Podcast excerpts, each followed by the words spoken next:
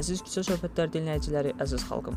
Hamınızı 8-ci Benediktin Bavariyalı Henrini Almaniya kralı kimi tanıdığını elan etməsi, Henri Pelhamın İngiltərənin baş naziri olması, Arizonanın ABŞ-ın 48-ci ştatı olması, SSR-də Qriqoryan təqviminə keçilməsi, Polşa Sovet müharibəsinin başlanması, Al Capone'nin rəqibi olan 7 qangsterin Chicagoda qətlə yetirilməsi, İngiltərənin mərkəzi bankı olan İngiltərə Bankının milliləşdirilməsi, Beynəlxalq Kitab Bağışlama Günü, Azərbaycan telekanalizasiyasının yaranması günü və Hərbi Hava Qüvvətləri Günü münasibətilə təbrik edirəm.